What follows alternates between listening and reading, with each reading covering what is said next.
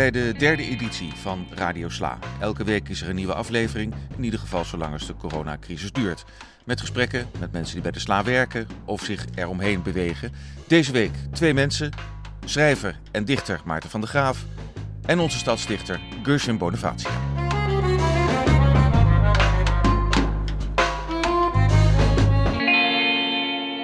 Mijn favoriete theater dreigt failliet te gaan.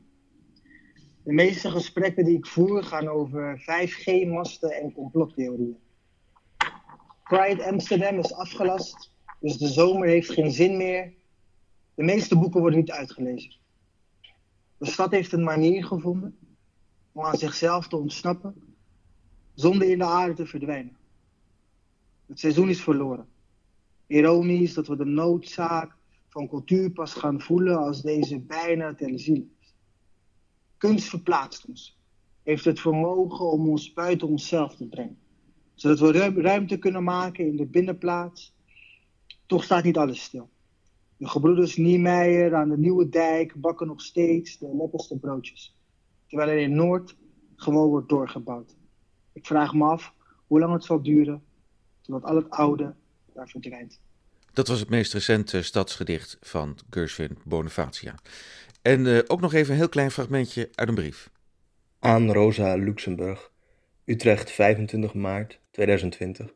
Beste Rosa, het is een goede tijd om jou een brief te schrijven, denk ik. Al bestaan er waarschijnlijk geen slechte tijden om dat te doen.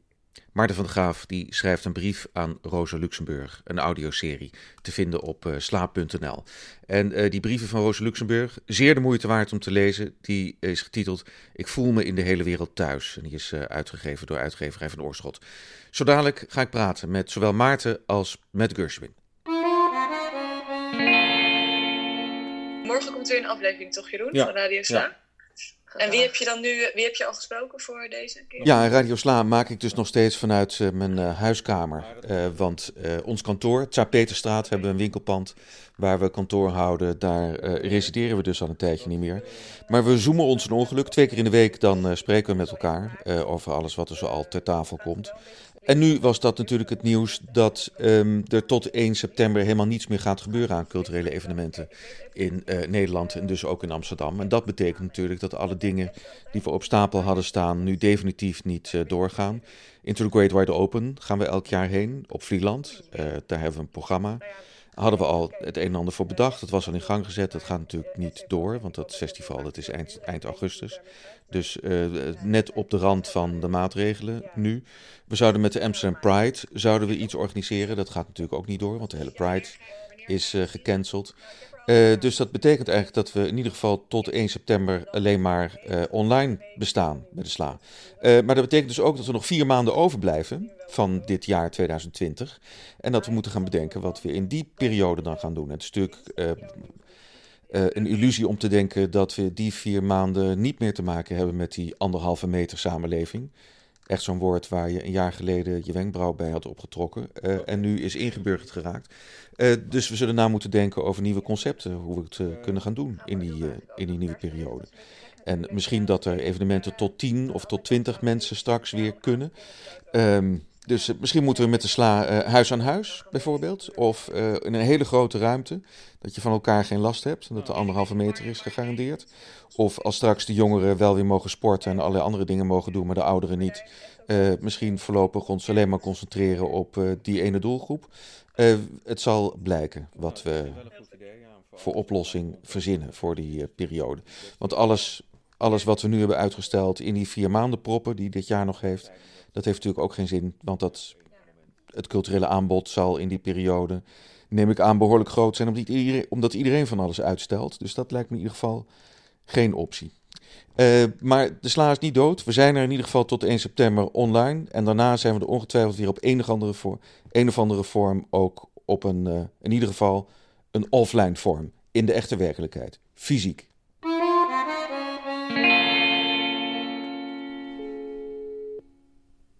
Hey, dag Jeroen. Hey Gershwin. Ben ik een beetje te verstaan? Ik ben aan het fietsen. Moet ik je zo direct even terugbellen als je uitgefietst bent? Nee, ik kan wel even, even aan de parkeren hoor. Ik ben nog uh, een half uurtje aan het fietsen, denk ik. Dan zet ik hem even aan de kant. Twee seconden. Ja, doe dat. Yes. Waar, wat, waar, waar, waar ben je? Um, ik fiets uh, halverwege de Rieboudstraat. Ik ben onderweg naar, uh, naar Noord, uh, NDSM-weg. Ah, wat ga je daar doen?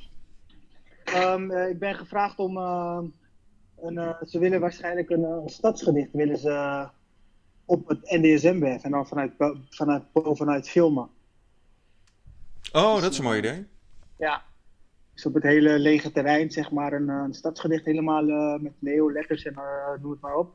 En dat is van bovenaf uh, gaan filmen. Dus daar ben ik nu onderweg naartoe. En je moet nog bedenken wat je daarvoor gaat schrijven natuurlijk. Ja, dus ik zit, zit even te denken of het, of het een bestaand stadsgedicht gaat worden, of dat het bepaalde passages gaan worden, of dat het iets nieuws gaat worden inderdaad. Ja, want je bent ook bij, hoe heet het gebouw ook alweer, in de Vijzerstraat, waar het gemeentearchief in zit. Daar komt ook een gedicht van jou, hè? Ja, klopt. Ja, UNESCO. Ja, daar uh, ben, ik, uh, ben ik mee bezig. Uh, het gedicht is, is, bijna af. Best wel een pittig, pittig gedicht. Allerlei dingetjes die ze erin willen hebben, et cetera. Dus het is elke keer heen en weer. Maar we zijn er nu, zijn er nu bijna. Omdat het precies, precies moet passen of zo? Ja, ze, ze hebben vijf kernwaarden die ze per se in willen. Uh, maar die willen ze dan ook niet direct benoemd hebben. En uh, dat is dus een beetje zoeken naar uh, de metafoor. En daarin was het best wel kritisch. maar het wel goed. Ik hoor heel veel achtergrondgeluid bij jou. Oh. Ik ga even ergens anders staan. Ik zit niet langs de weg. Yes, als het goed is, is het nu wat rustiger. Ja, dit klinkt beter. Hey, het is een merkwaardige uh, tijd natuurlijk voor iedereen, maar het is voor jou als stadsdichter, het is ook een tijd waarin je iets, uh, iets wil met deze afgelopen periode. Uh, is, dat, is dat lastig om erover te schrijven of juist niet? Um, hey, op zich, ik heb nu twee, twee stadsgedichten geschreven en gisteren heb ik er nog één geschreven. Um, en op zich, ja, kon ik wel redelijk vatten wat, waar iedereen eigenlijk een beetje doorheen gaat in de stad. En ja, hoe de stad eruit ziet, hoe dat een beetje aanvoelt, dat lukt op zich aardig. Um, maar ik denk dat we nu wel ja, een beetje zeg maar, op het moment zijn waarin we ja, toch wel een beetje onrustig worden. Um, en en waarbij, um, waarbij we toch wel ja, voelen en, en merken en zien aankomen dat de gevolgen hiervan ja, niet, niet fijn gaan zijn. Ja, want het laatste gedicht wat je schreef, dat is Tussenstand, hè? Ja. Dat is ook wel een beetje een melancholiek gedicht, toch? Ja, nee, precies. Um, dus vanuit, hè, vanuit die, die, die, die fijne verstilling uh, kom je nu toch wel uh, op een punt dat je denkt van... Hmm, uh, ik weet het, ik weet het niet allemaal. Ja, maar, dat, maar poëzie kan in dat soort omstandigheden misschien wel helpen. Ja, nee, precies. Ja, dus vanuit daaruit dat, ja, dat ik dacht van ja, het stadsgedicht... Um, moet, moet, ja, moet toch ergens wel um, enerzijds um, het, het, bestaande zeg maar, belichamen, uh, maar uh, aan de andere kant ook, ja, ook de toekomst. Hey, je bent nu, uh, in februari was je een jaar stadsdichter. Hè? Is, het, is het eigenlijk geworden wat je had gedacht aan het begin? Of is het iets totaal anders geworden? Um, op zich wel, ja. Uh, ik denk nu dat ik dat nu zeg maar wel kon zeggen. Ik vond het uh, halverwege, um, in ieder geval net na de start, vond ik het best wel lastig. Um, om op zoek te gaan naar ja, welke, welke verhalen schrijf je nou een stadsgedicht over en, en hoe werkt dat. En, dat vond ik, vond best wel lastig. En ja, de stad wordt op een gegeven moment een steeds groter monster met zoveel verhalen en zoveel manieren hoe je naar de stad kan, kan kijken. Uh, maar ik moet zeggen dat ik inmiddels wel ja, wel lekker in zit. En dat het ook wel, uh, ja, toch wel, dat ik er heel, heel langzaam in ben gegroeid. En dat dit inmiddels wel, wel heel erg fijn aanvoelt. En schrijf je tegelijk met, met die stadsgedichten ook nog poëzie die helemaal niet met de stad te maken heeft? Scheid je het van elkaar, die twee soorten poëzie? Ja, ja dus ik, um, ik, ik heb in de tussentijd heb ik inderdaad mijn, mijn nieuwe gedichtenbundel heb ik ook afgeschreven. Ehm, dus dat ehm, ehm, ja, heeft in ieder geval in de basis eh, niet direct betrekking op de stad en alles wat ermee gemoeid gaat. en ik krijg natuurlijk wel eens opdrachtjes om, uh, om dingetjes te schrijven die niet ja, direct, indirect over de stad gaan. dus ja, dat probeer ik wel te combineren met elkaar. ik hoor je weer heel slecht, uh, Gershwin. Yes, hoor je me? Hoor je me? Ja, dit is beter. Ja? Ja, ik, ehm, ik probeer dat ehm, te combineren met elkaar. Ehm, maar ja, ik, ik ja, kom toch wel meestal één keer in de maand, soms twee keer in de maand wel, wel weer op een, op een mooi stadsgedicht. En je hebt je nieuwe bundel dus al af? Ja, die is, uh, die is al af. Hij zou eigenlijk uh, deze maand zou die, zou die uit gaan komen. Maar door, ja, door alle maatregelen hebben we besloten om die lekker door te schuiven. Omdat ik natuurlijk ook heel veel voordraag en overal heel erg aanwezig ben. Uh, ja, hebben we besloten om dat. Ehm, ja, hoogstwaarschijnlijk wordt het na, na de zomer. We hebben nog geen exacte datum, maar die wordt eh, ja, in ieder geval met een aantal maanden doorgeschoven. Ja, ja, dat is, misschien ook wel een goed idee. Ja. En jouw stadsgedichten, als je aan het einde van de route blijft er ook een hele, een hele bundel stadsgedichten over.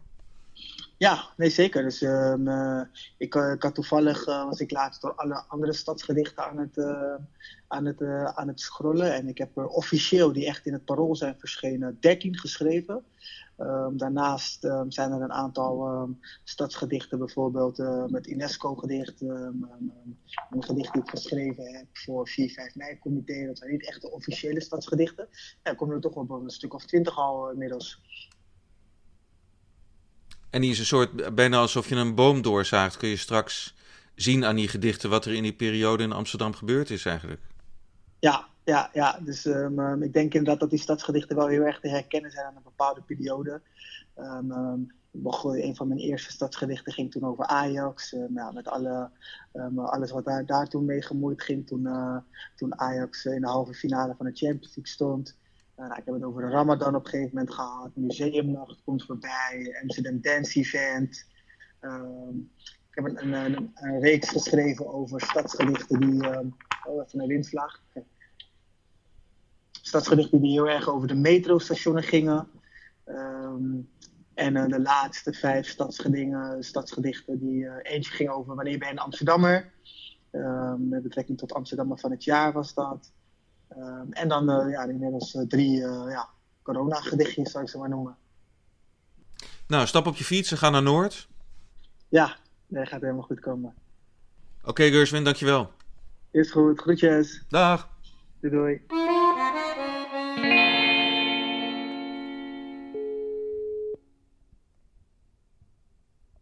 Met Maarten. Hey Maarten, hoe is het met je? Hey. Ja, hoe is het met mij? Um, wel goed. Ja. Dat is een, een lastig te beantwoorden vraag hè, in, deze, in deze situatie. Ja. ja, precies. Want wat is privé goed en wat is over het algemeen natuurlijk onzeker en slecht? Ja, en mag je nog met goed antwoorden in een tijd waarin het toch heel veel niet zo heel erg goed is? Precies. Ja, ja er is een rare combinatie van um, onbestemde rust, leegte, productiviteit, ehm, de noodzaak productief te moeten zijn enzovoort. Dat is, die contradicties zijn, uh, zijn een beetje typisch, ja. Ja, nee, dat zijn geen, niet de huistuin- en keuken contradicties waar we aan gewend zijn in ons uh, dagelijks leven. Nee, ze zijn veel meer op de voorgrond. Wat uh, gek genoeg verhelderend werkt, ook omdat je veel, meer, veel minder afgeleid bent door ehm, ja, door, verplicht, door sommige verplichtingen. Maar toch ook hoe rap andere verplichtingen in de levens van mensen weer worden ingevoerd. Uh, dat, is ook, dat zie ik ook wel om me heen. En welke verplichtingen doel je op dan? Nou, um, bijvoorbeeld voortdurend op, op, op Zoom en op uh, aanverwante media moeten verschijnen. Um. Oh, die druk, ja. ja. Voortdurend contact, toch contacten moeten maken met, uh, met de rest van de mensheid. Ja, ja, ja. En, en, en, uh, maar gewoon kosten wat kost proberen, zo goed is zo kwaad als het gaat, alles voor te zetten. Er zit ook iets dwangmatigs in. Ik snap wel dat het moet, maar uh, ja, er is ook daardoor weinig um, tijd misschien voor mensen om even uh, om er heen te kijken en te denken, wat, wat, wat ben ik eigenlijk aan het doen? We hebben natuurlijk wel een link met Rosa Luxemburg. De, eh, de, de, je schreef haar een brief hè, in de serie ja. uh, Re Rosa Luxemburg die we, die we maken. Mhm. en je, denk je dat ze zonder enige voorkennis iets begrepen zal hebben van de tijd waarin we nu verkeren? Ja, nou, ik denk niet dat het totaal onbegrijpelijk zou zijn. Ik bedoel, het is natuurlijk moeilijk te zeggen. Uh, dus, nou ja, dus, je veronderstelt dan dat ze even moet wennen aan bijvoorbeeld het internet. ja, uh, ja, dat, uh, zal, zal misschien een dagje duren, maar dan. Nee, nee maar dus, na een dag is ze er wel overheen, denk ik. Ja, dat internet duurt een dag. Ja, oké, dat duurt een dag. Er zijn er nog een paar dingen die schokkend zijn, denk ik.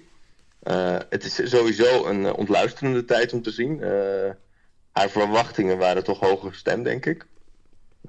De contradicties van het kapitalisme hebben nog geen.